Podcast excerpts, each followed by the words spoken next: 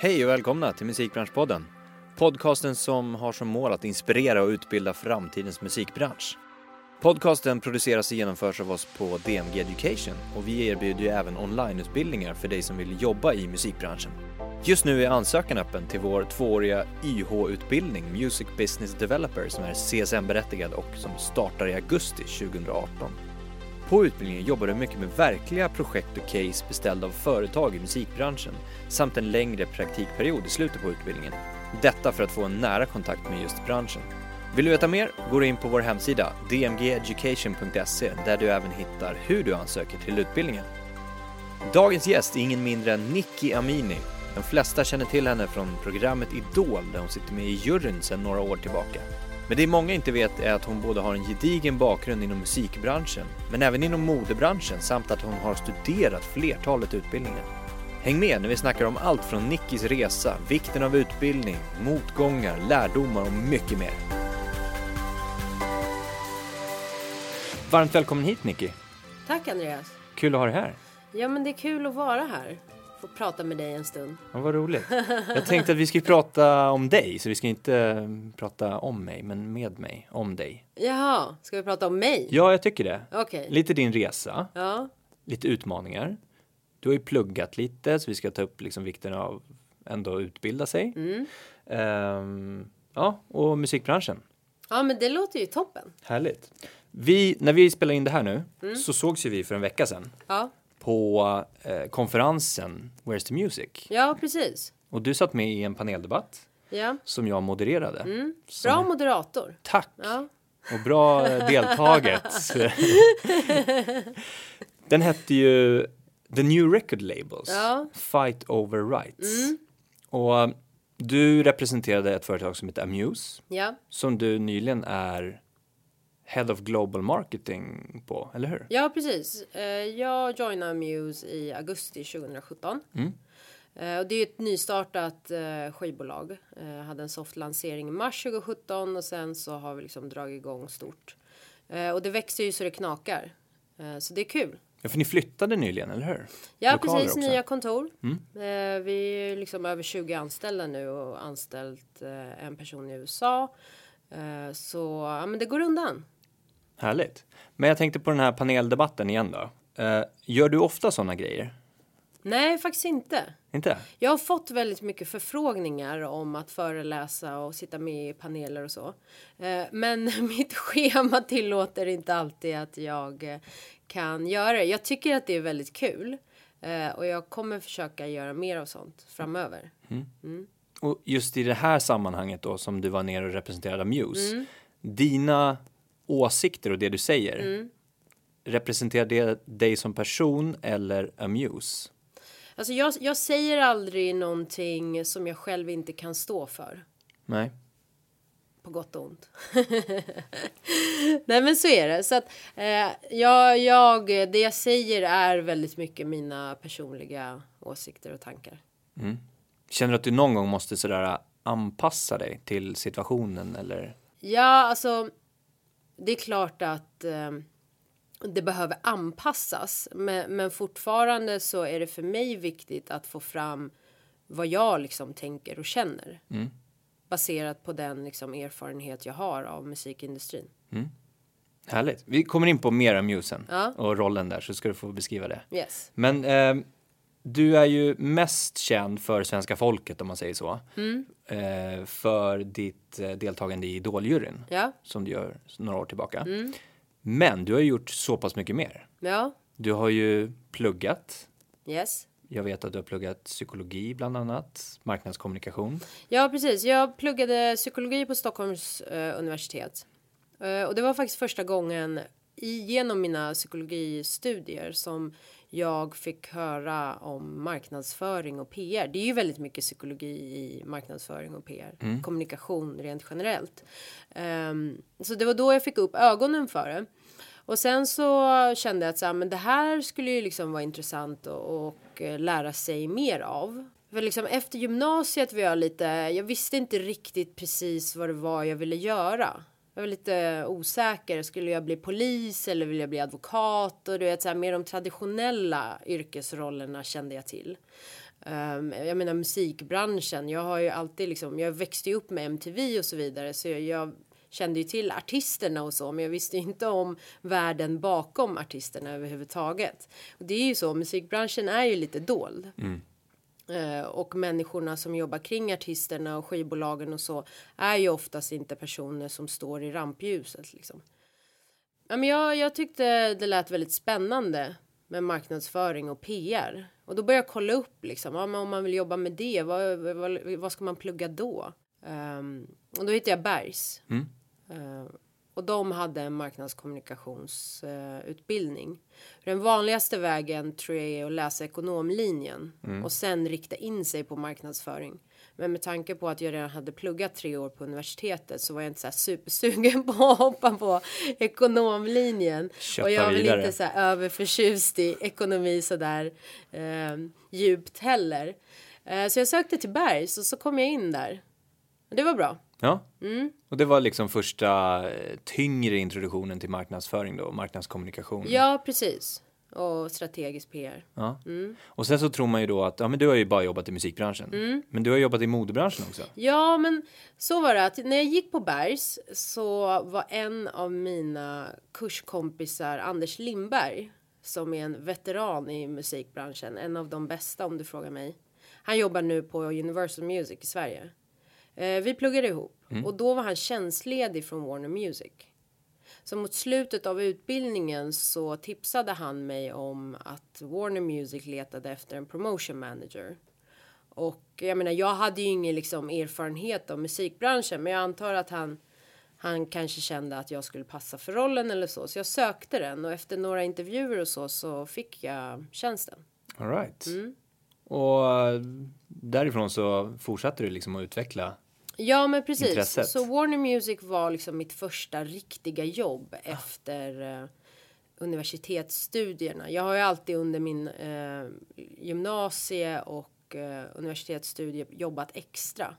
Bara för att tjäna pengar. jag jobbar på Intersport och Indiska liksom i butik. Eh, också jobbat på Gröna Lund i lotteristånden kommer jag på nu, just ja. Det är På en sommarloven. riktigt Ja. eh, tung eh, bit att ha med på det, ja. eller hur? Och om inte annat så lär man sig ju liksom ansvarstagande och det är Ja. viktigt. Timlönen var ju inte någon höjdare men men som sagt, man, man, man ska alltid tänka på vad det är liksom man kan eh, få ut av de möjligheter man får liksom. Mm. Eh, men i alla fall, Warner Music var mitt första riktiga jobb. Och så efter två år där så blev jag faktiskt headhuntad till klädmärket WSC. Mm. Som global PR-chef. Eh, Så var jag där och kort efter att jag började jobba där så byttes hela liksom ledningen ut och de som hade anställt mig, mina chefer och så vidare, de skulle sluta. Eh, Och då kände jag att så här, okej, men det här var inte riktigt de premisserna jag blev anställd på. Jag hade kunnat få stanna kvar, eh, men då hittade jag ett annat jobb på Gant, klädmärket, Mm. som jag kände att det här kanske passar mig bättre. Eh, Så ja, och det var samma där, att det var fokus på global PR och marknadsföring. Så det är liksom den, den inriktningen jag haft oavsett vilken bransch jag har varit i från start i liksom mitt eh, yrkesliv. Mm. Men efter några år i modebranschen branschen så kände jag ändå liksom att jag vill tillbaks till nöjes och musikbranschen. Och då började jag kolla liksom, jag var fortfarande relativt ung och jag hade liksom snabbt efter gymnasiet gått vidare och liksom pluggat vidare på universitetet och så tänkte jag men det kan ju vara kul att kanske också göra någonting utomlands. Um, först kollade jag liksom kan man försöka få jobb utomlands um, eller kan jag vidareutbilda mig för att liksom nischa in mig mer i musikindustrin och då hittade jag en skola i Los Angeles i Hollywood. Uh, Musicians Institute och så sökte jag dit, Music Business Management. Och parallellt med det fick jag en trainee på Universal i eh, LA. All right. Så var jag där ett år. Och så här, Universal Music är ju liksom världens största musikbolag. Så det var ju liksom det var ju drömmen för mig att få börja jobba där. Jag hade varit på Warner och nu vill jag in på Universal. Så när jag fått in en fot som trainee på Universal i LA, när det började närma sig tiden att jag skulle flytta tillbaks hem till Sverige. Jag ville också hem, jag ville inte vara kvar, jag är väldigt hemkär. Jag har bott utomlands, men efter ett tag får jag alltid hemlängtan. Mm. men jag älskar Stockholm och Sverige, det är ett väldigt bra land mm. att leva och bo i. Så då sökte jag jobb på Universal i Sverige. Mm. Jag hade faktiskt eh, arbetsintervjuerna på Skype. Okej. Okay. Jag var i LA. Um, jag tror det var två, tre intervjuer och sen så fick jag komma hit och, och träffa den stora bossen Per Sundin och sen uh, fick jag jobbet. Härligt. Mm. Och det är där du egentligen senast har varit om man räknar ja, bort Amuse. Ja, precis. Så jag ja. var några år på Sverigekontoret. Sen så blev jag erbjuden en tjänst på huvudkontoret i London. På Universal Music Group. Um, och det vill jag ju såklart tacka ja till. Mm. så jag flyttade över till London uh, och så var jag där i lite mer än tre år. Så flyttade jag hem för ett tag sedan. Det känns som att du ändå har tagit de här chanserna som har, eller möjligheterna som har dykt upp. Att du liksom har hoppat på dem. Stämmer ja, det? men alltså det, det, tycker jag man ska göra. Eller alltså jag har alltid. För mig är det väldigt viktigt att känna att så här. Jag kan fortsätta utvecklas. Jag vill liksom inte stå och stampa. Och, och, som sagt, alltså möjligheter som dyker upp, det ska man ju liksom inte heller ta för givet. Sen så är det klart att jag utvärderar dem och känner så här, är det här någonting för mig? Känns det rätt? Är det bra? Är det åt det hållet jag vill? Liksom för de planer och mål och drömmar jag har. Så jag hoppar inte på vad som helst heller. Bara för skojs skull. Uh, men uh, det, det, är bättre tycker jag att testa. Mm. Och sen så kanske det inte blev som det blev som man hade tänkt sig. Nej. Men, men då, då vet man än att så här, tacka nej och sen så kanske man börjar grubbla över ja, men tänk vad hade hänt om jag hade tagit det? Vad hade jag varit då idag? Um, och, jag, och jag tycker också så här på. Jag har ju varit på väldigt många stora globala bolag uh, och det är ju väldigt ofta man träffar personer på de arbetsplatserna som uppenbarligen har kanske stannat kvar för länge. Mm och man känner av det, liksom den energi och det arbetssätt de har på arbetsplatsen. Jag tänker på, precis som du nämner, så du har ju varit på alla de globala mm. stora bolagen. Mm. Vad blir, vad är dina nästa utmaningar? Du pratar om att liksom sätta mål och drömma högt. Ja, jag är klar nu. det är passionen nästa, eller hur? Ja, precis. 35 år kvar. Nej, men alltså jag, jag är väldigt um, tillfreds med var jag befinner mig just nu, både liksom i livet och i karriären. Mm. Eh, och eh, hela idol-jurygrejen är fantastiskt kul. Det är ju också liksom en del av musikbranschen i Sverige. Vi tar ju fram nya talanger eh, som går vidare och bygger upp eh, sina artistkarriärer om det är det de önskar. Vissa upplever ju också kanske under resans gång att nej, men det här var ingenting för mig. Mm. Plus att det är inte lätt liksom. Det är hårt jobb som måste in i det för att man faktiskt ska lyckas. Mm.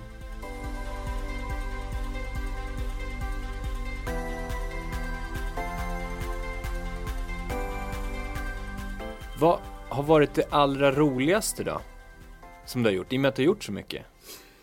Ja, och säg inte det senaste jag håller på med just nu.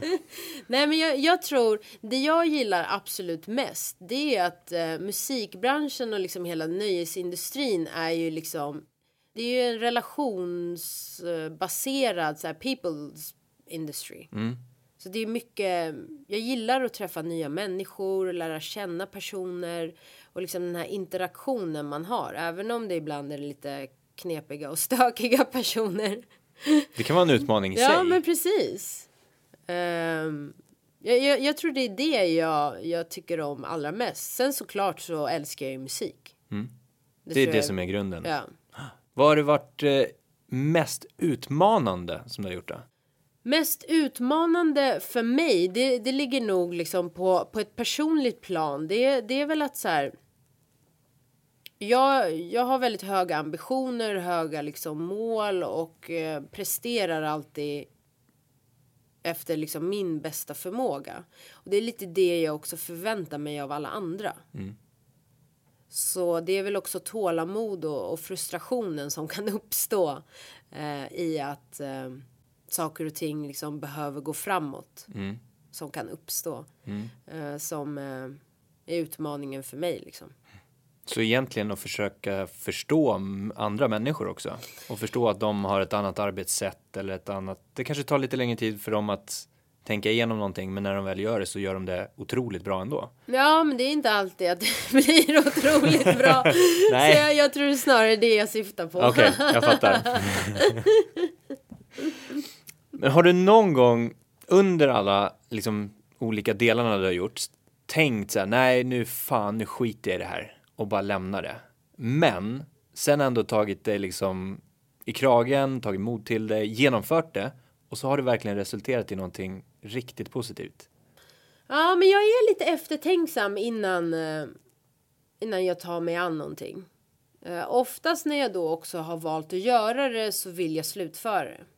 Men visst har det uppstått tillfällen och det kommer det säkert fortsätta göra där jag ger mig in i något och sen så blir det inte som jag tänkt mig liksom.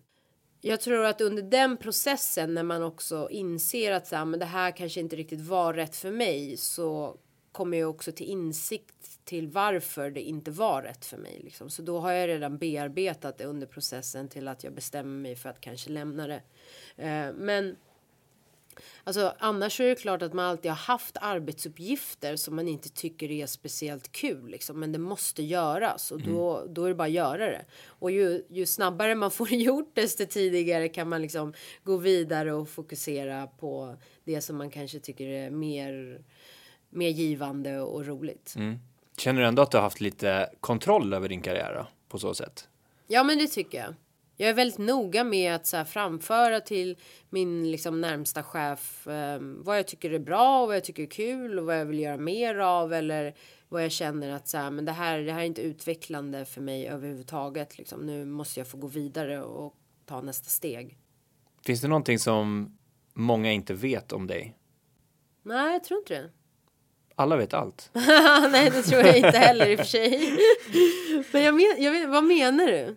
Nej men någon så här som du verkligen har som eh, hemlighet eller som eh, du är ju som du säger, du är en väldigt offentlig person och folk kanske har förutfattade meningar om dig för att de, de har bara sett dig på Idol och liksom du har bedömt deras favorit eh, eller kritiserat okej. deras favorit och Ja, ehm, Alltså, jag, jag tror just så här när det kommer till min roll i Idoljuryn så jag är alltid väldigt liksom rak och tydlig och konkret med vad som är bra och vad som är mindre bra. Liksom. Så jag, jag, går ju aldrig på personangrepp eller något sånt utan jag är bara väldigt konstruktiv i den, den feedback jag ger eh, deltagarna.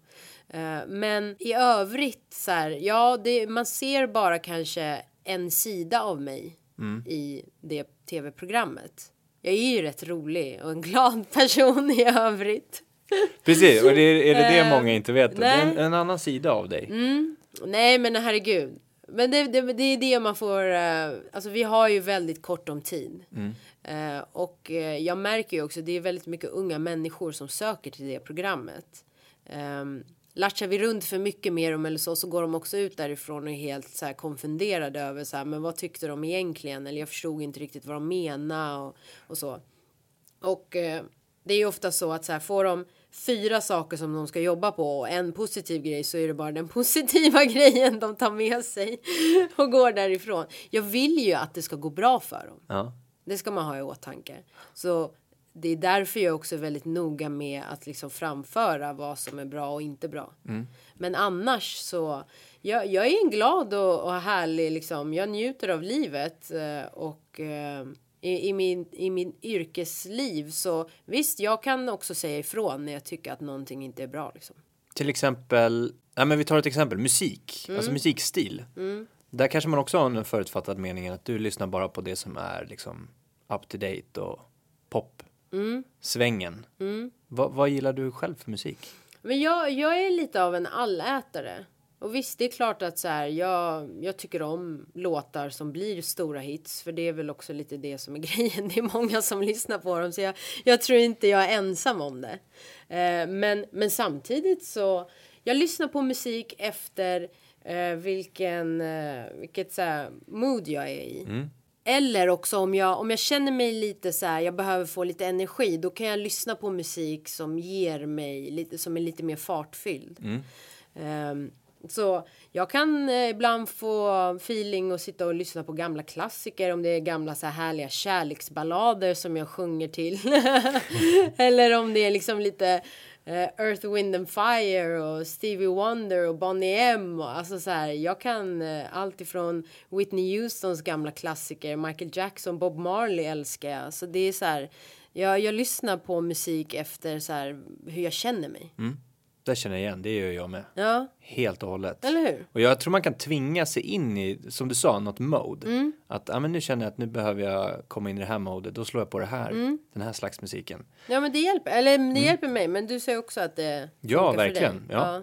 Och det kan vara allt från klassisk eh, pianomusik till eh, tung hårdrock. Mm. Alltså verkligen. Och, och jag kan sätta mig in i olika modes tack vare den musiken. Klassisk eh, piano just är, är ju fantastiskt. Jag brukar gå på Musikhögskolan i, i Stockholm så eh, eleverna där har ju konserter. Mm, just det. Eh, jag brukar faktiskt gå på dem. Häftigt. Det är väldigt avslappnande. Ja. Väldigt fint. ja, det är någonting speciellt med piano just. Mm.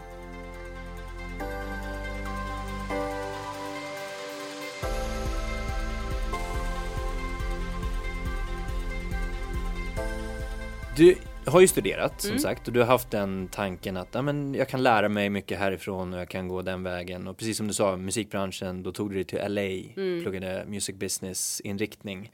Uh, vad, vad har det här liksom gett dig i din karriär? Hur ser du vikten på den här utbildningen i din nuvarande karriär? Har du användning av det? Alltså utbildning är väldigt viktigt. Mm. Det, det är en bra grund att ha. Därför den finns där. Du kan alltid falla tillbaks på den. Det, den ger dig en bredd. Eh, men sen så när man väl kommer ut i arbetslivet så är det ju inte så som det stod i liksom skolböckerna.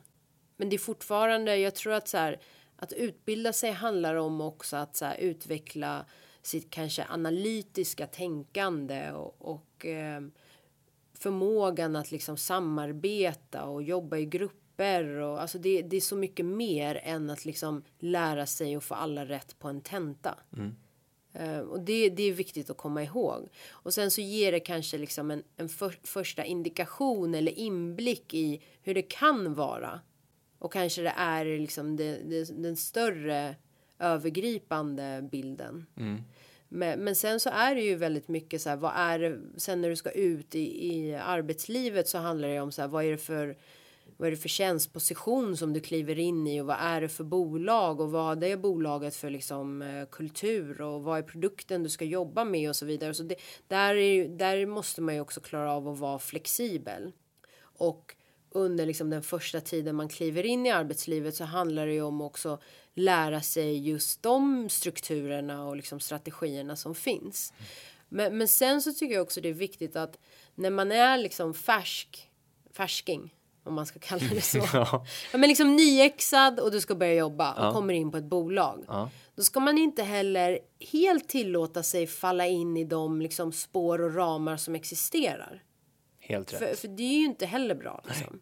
Så det, det är också viktigt att man liksom observerar och, och känner av. Så aha, okej, är det så här ni gör och, och si och så. Men man måste ändå liksom presentera och lägga fram sina egna tankar och idéer. Det, det tror jag är oerhört viktigt. Eh, det är både viktigt för bolaget, för då liksom, de anställer ju nytt folk för man också liksom behöver ny kompetens. Eh, men också viktigt för, för en själv och sin fortsatta utveckling. Jag tänker just att den inriktningen psykologi Mm. eh, är väldigt, alltså det är bred och du har väldigt mycket användning av, jag tänker så här, personkännedom och det i ditt arbete med marknadskommunikation Mm. överlag. Så du är inne på det rätt och jag håller verkligen med om just det att att lära ut i, alltså hur man fungerar i team, hur man kan eh, genomföra processer, strategier, men inte för inriktat på något håll liksom. Eh, just för att det blir väldigt smal då. Mm. Och, och då är det lätt att du verkligen follas in i det du berättade om nu när du är färsking. Mm. Och att man inte har den breda synen på just eh, vad kan jag bidra med. Mm. Utan jag kan bara eh, hur eh, Google AdWords fungerar exakt den här, det här datumet. Ja. Det kommer ju förändras, Mm. alltså med tekniska utveckling och så. Så det, jag tror att du är helt inne, helt inne på rätt spår där. Mm. Vad tror du om de som vill jobba i framtidens musikbransch, de här Ja. färskingarna som kommer komma. vad, vad är viktigt att tänka på för dem då? Det kanske vi har gått in på i och för sig nu. Ja men precis, alltså jag, jag tror också så här den, den kompetensen som kommer behövas i, i musikindustrin kommer ju också fortsätta utvecklas. Alltså det ser man ju idag. Tidigare var det ju väldigt mycket liksom samma människor som gick i omlopp mellan de större liksom skivbolagen. Nu har det ju börjat komma in ny kompetens därför det, det är just andra skills som krävs. Eh, om det är analytiker eller folk som liksom har spets, spetskompetens på, inom sociala medier eller liksom de digitala bitarna. Så att man har ju också börjat rekrytera på ett annat sätt än vad man har gjort tidigare och det tror jag kommer fortsätta utvecklas. Jag tror en, en utmaning som kommer fortsätta växa det är att klara av att liksom profilera artisten bakom eh, låtarna, bakom musiken. Det tror jag kommer bli tuffare och tuffare. Eh, bruset kommer bli mer och det är oerhört mycket musik som släpps konstant.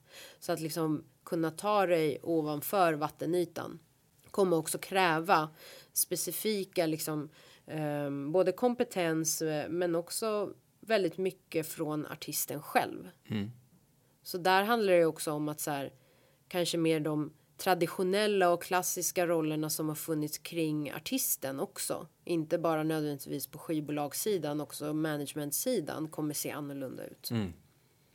Väldigt mycket fokus på att ta fram innehåll. Och kanske inse att idag är man liksom inte klar när man har gått en utbildning på två, tre, fyra år.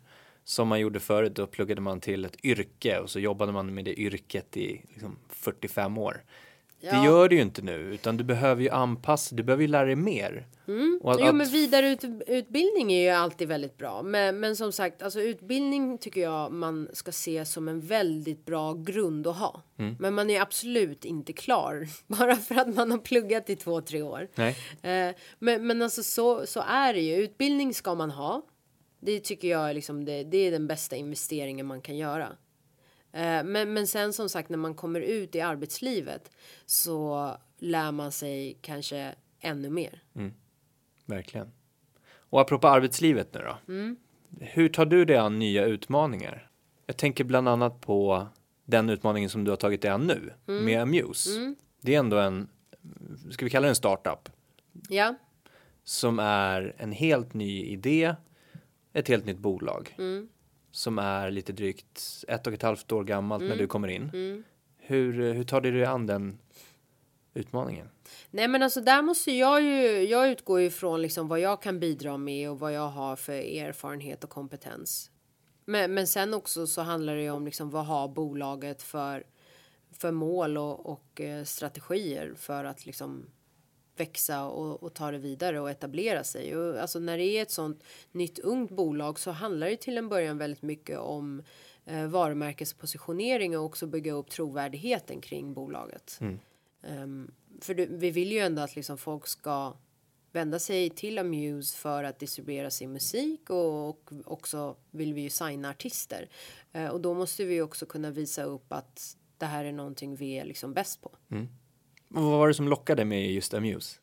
Nej, men alltså, jag har ju varit på de, på de stora skivbolagen. Eh, Så utmaningen jag, jag såg i det här är ju att det, är- det är ett nytt bolag som också tänker annorlunda. Och jag tycker att det är hälsosamt för industrin att det finns sådana uppstickare som utmanar. Ehm, så det är klart att jag eh, ville ta del av det och vara med på, på liksom den resan. Hur såg processen ut då? Blev du headhuntad, kontaktad av Diego Ja, men, eller Andreas? Ja men precis, alltså jag och Andreas Alenius som är en av grundarna till Amuse, vi jobbade ju ihop på Universal Music i Sverige tidigare. Och det är en god vän till mig så jag känner ju honom sedan tidigare. Diego har jag inte jobbat med tidigare men jag kände ju till honom och visste vem han var. Så det var Andreas som kontaktade mig och, och eh, kollade av läget för att se vad jag har liksom för tankar och så, vad jag vill göra. Ehm, och som sagt, jag har ju liksom Idol som eh, löper parallellt. Ehm, och det är det här med Idol, det är också, det är många som tror att så här, men du sitter ju i tv en dag i veckan.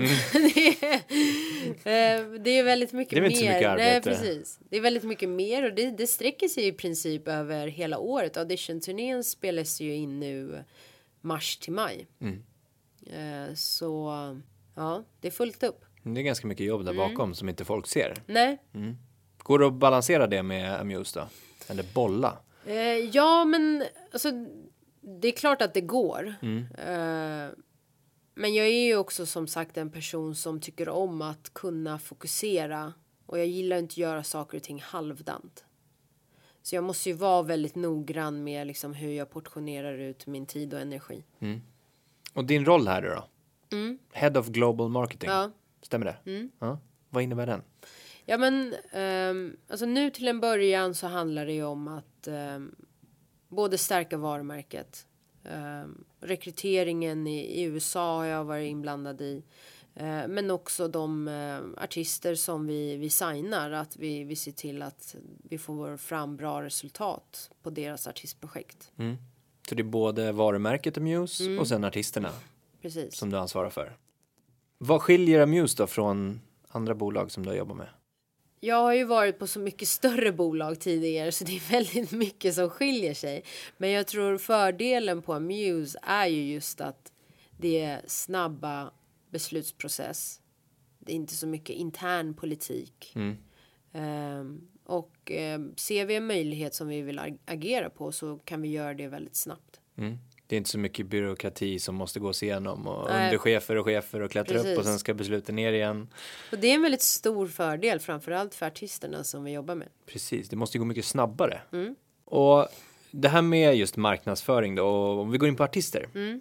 Vad är utmaningarna för artister idag när det gäller att marknadsföra sig själva? Jag, jag tror det är väldigt viktigt att man som artist ehm, reflekterar över liksom så här, vart befinner jag mig just nu i min karriär? Vart vill jag vara om ett år? Alltså både kortsiktiga och långsiktiga mål. Och att man liksom så gott man kan jobbar fokuserat. Det är inte alltid så lätt med liksom kreativa eh, människor och det är, det är en kreativ bransch så det är klart att det alltid är liksom nya tankar och idéer som flödar. Men jag tror det är viktigt att ha den insikten och därefter också kunna bedöma liksom vad klarar jag av att göra på egen hand och vad är det jag faktiskt behöver hjälp med. Och som sagt, det blir tuffare och tuffare för artister att profilera sig och bygga upp ett liksom ett brand kring sig själva som artist så att det inte bara blir en låt man hör på Spotify men man vet inte vad det är för artist. Ehm, och det, det, kommer, det kommer bara bli svårare och svårare tror jag. Ehm, därför är det också viktigt att man fokuserar på att också bygga upp ett starkt ehm, following och ha en stark plattform som kan växa med dig. Ja, för det blir ju bi- alltså, det känns som att idag är det som det ultimata målet att finnas på Spotify. Mm. Alltså, nu, nu har jag producerat den här låten och Mm. sen så har jag distribuerat den till Spotify. Nu finns jag där. Sen då? Ja, precis. Det är väl det som blir nästa steg Mm. då. Bygga following, bygga i alla olika kanaler också. Ja, alltså mm, visst kan man säga att det är nästa steg, men samtidigt så måste ju de planerna finnas innan låten släpps. Och man behöver ju kanske bygga upp det innan låten släpps och fortsätta jobba med det parallellt. Eh, men, men sen liksom livebiten är ju också väldigt viktig. Och att du hela tiden kommer på kampanjer kring varje release som gör att det kan liksom stärka din närvaro. Som sagt, så, men det finns ju också artister som så här, är nöjda med att ge ut sin musik och, och streamsen tickar på och de är inte så intresserade av att bygga upp liksom sin artistprofil. Så det handlar ju som jag sa från början om så här, vad, vad är det man vill åstadkomma liksom också i sin artistkarriär. Jag tänker så här, ny teknik till exempel. Mm. Alla de här HomePod uh, devices som kommer, alltså röststyrningsdevicer. Mm. Apples HomePod, Amazon har ju Alexa. Mm. Eh, det kommer ju komma jättemycket. Och man pratar och frågar om musik till exempel då. Det är bara en del i Mm. vad de kan göra. Men har man inte kunskap om, eller vet man inte vad låten heter, som du var inne på, att man bara har hört den någonstans, då kommer man ju inte kunna berätta det till Alexa till exempel. Nej. Spela den här låten. Och det kommer ju vara ett jättestort, en stor utmaning att mer komma in på de här spellistorna då som kanske som, som, som alltså spela mig chillmusik Mm. eller jag känner mig deppig, spela en depp playlist. Ja men precis, voice control devices. Det, det kommer ju... Det, det blir ju en utmaning åt båda hållen. Både liksom av skivbolagen att kunna marknadsföra artisterna mo mot lyssnarna och Ja. att lyssnarna är man inte så insatt så kanske det blir att jag vill lyssna på glad musik och så spelas glad musik upp. Ja. Men det är det jag menar va, alltså det är viktigt om det är det man liksom har som ambition så måste det också liksom det, det visuella och eh, innehållsmässigt i andra kanaler måste det stärkas och, och eh, det är därför den här plattformen är väldigt viktig. Och den är svår att bygga upp. Det är väldigt mycket liksom eh, hårt jobb som ligger bakom det. Men, men, men vill man slå igenom på, på den nivån så måste man komma ihåg att det behövs. Som sagt, det, det är visuellt content. Ser du att artister fokuserar för mycket på en plattform istället för flera? Det jag tänker är att vissa plattformar kan försvinna i princip när som helst.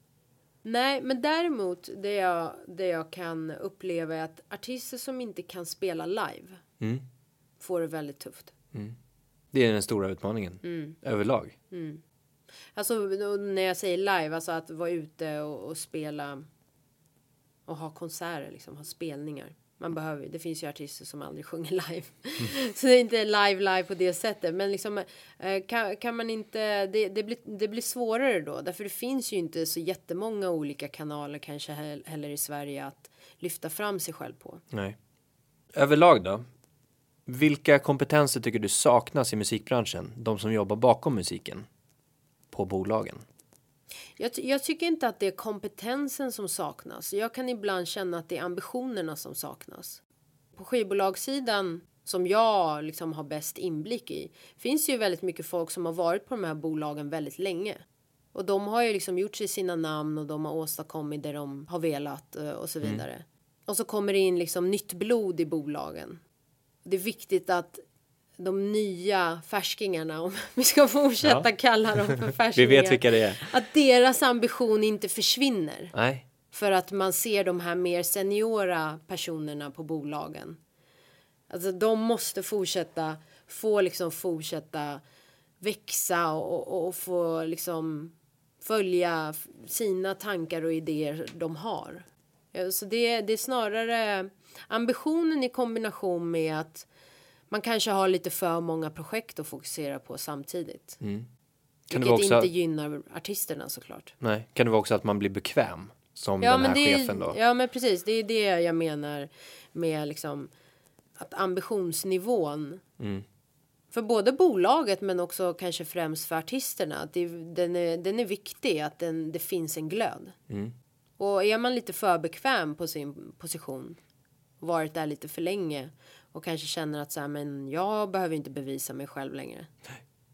Och det är ju bra, alltså det är klart att så här har man ansträngt sig och byggt, upp en karriär och, och så vidare så ska man ju också få njuta av det. Så det är liksom, det finns ju en balans där. Men mm, vad, vad jag menar är att de här unga människorna som då kommer in i branschen, att det är viktigt att man liksom ger dem spelrummet. Att få utvecklas och liksom frodas.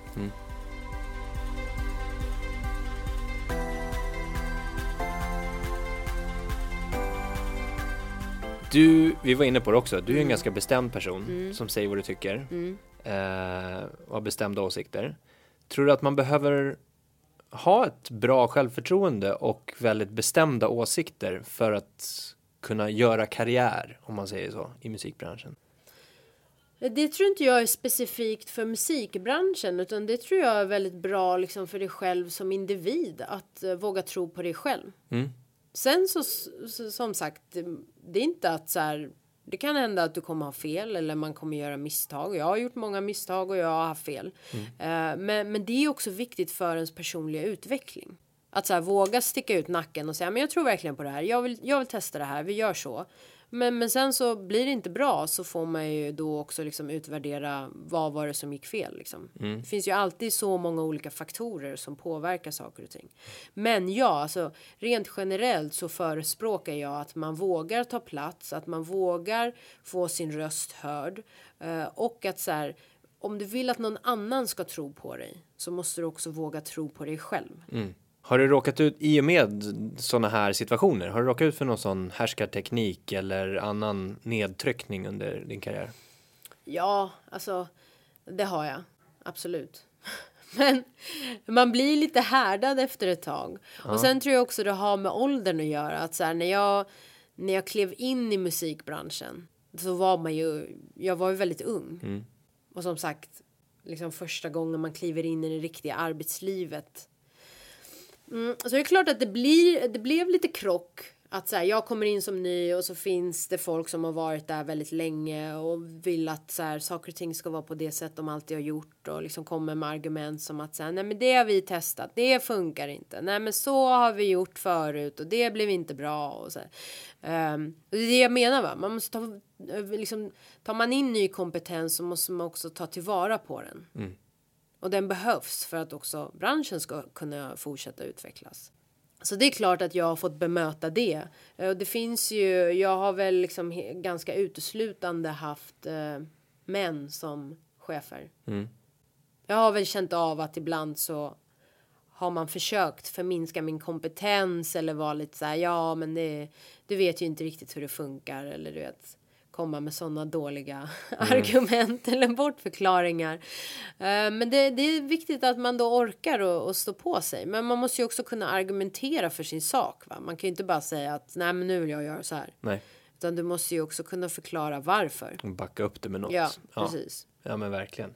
Om vi går in på det här med metoo och musiken Mm. tystnar som ändå är viktigt att beröra. Eh, tycker du att branschen och bolagen ändå har tagit tag i och börjat arbeta aktivt med det här nu? Ja, alltså. Jag hoppas det. Mm.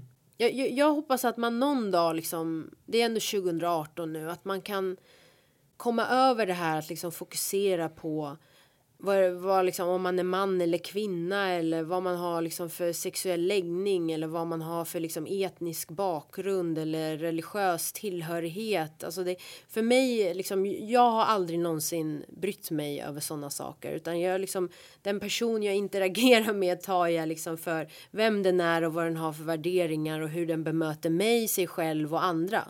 Det är där jag lägger liksom mitt fokus.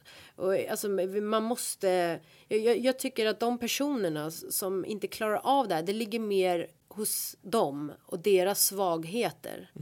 Att man liksom försöker kliva över någon på, med, med liksom de argumenten som grund.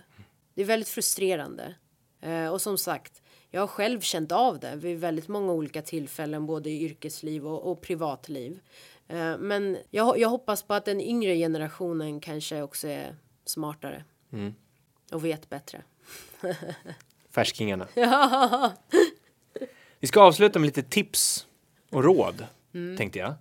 Om du skulle ge tips till dig själv, till ditt 20-åriga du, med allt du kan idag, vad skulle det vara? Mitt 20-åriga jag. Ja. Jaha. Gå på magkänslan. Gå på magkänslan. Mm. Magkänslan är viktig. Och den visar sig alltid ha rätt i slutändan. Vad tror du 20-åriga du skulle svara på den? Nej men alltså 20-åriga jag, alltså i den åldern, ble, jag blev i alla fall väldigt påverkad du vet, av andra faktorer också. Andra personer och vad tycker och tänker andra och så vidare. Men, men liksom våga, alltså magkänsla och tro mer på dig själv. Du hade inte bara sagt, vad fan säger du? Tyst. Jag går på min egna magkänsla. Ja. Har du någon gång varit med om någon riktig, riktig motgång som ändå har stärkt dig? Ja, det har jag. Det har ju som sagt med min personlighet att göra. Jag tar ju väldigt mycket plats, jag har starka åsikter, jag säger vad jag tänker och tycker.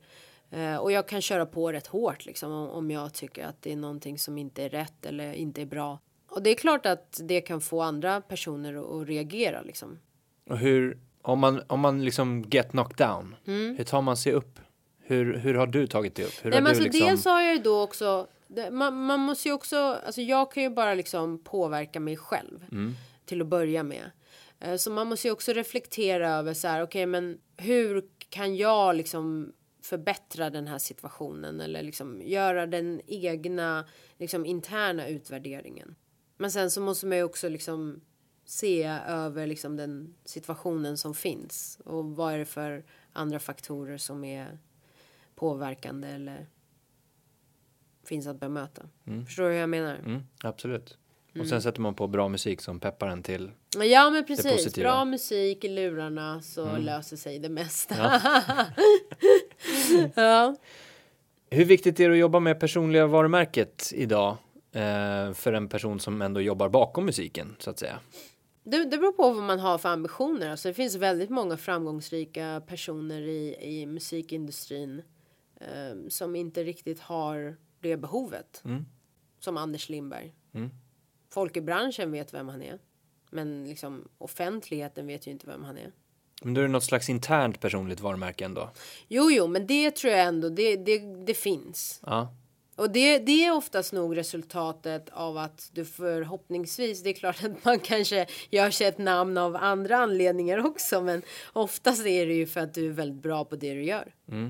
Så det är väl egentligen det. Den interna, det interna personliga varumärket handlar mycket om att du är duktig och kompetens i det du gör. Du tar dig Precis. an utmaningar, uppgifter och levererar kanske. Och sen det offentliga personliga varumärket är någonting annat. Kan det hjälpa att stärka det interna personliga varumärket? Den offentliga? Ja, Nej. Jag, jag tror att så här, i den bransch man jobbar i så bygger man ju ändå upp en, en karriär liksom, och den är baserad på din kompetens och erfarenhet och så vidare.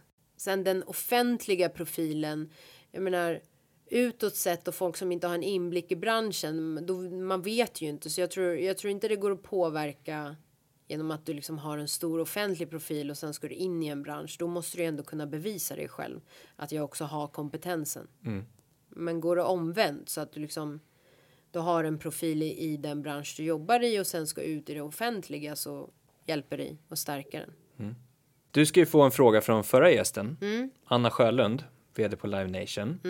Och hon ville ställa frågan, vad är de största utmaningarna för att bygga verksamheter och nya varumärken inom musikbranschen? Oj, det finns många utmaningar. Men alltså jag, jag tror att det är oerhört viktigt att bygga upp eh, förtroende kring ett varumärke. Det är väldigt, väldigt viktigt. Vad det är man lovar konsumenterna, hur man lever upp till det och att man faktiskt kan visa på resultat. För liksom finns inte trovärdigheten så kan inte bolaget varken etablera sig eller fortsätta växa. Och nu ska du få ställa en fråga Jaha, till nästa gäst, kul. utan att veta vad gästen heter. Jaha, man får inte veta vem frågan är till. Ja, Okej. Ja, men så här, topp tre fa- framgångsfaktorer för eh, en artist. Ja. Bra, det ska vi ta reda på nästa gång. Då. Ja. Tack för jättetrevlig pratstund Nicky. ja, men tack Andreas. Tack för att du ville komma och gästa podden. Men det var jättekul. Bra frågor. Bra. Tack. Tack.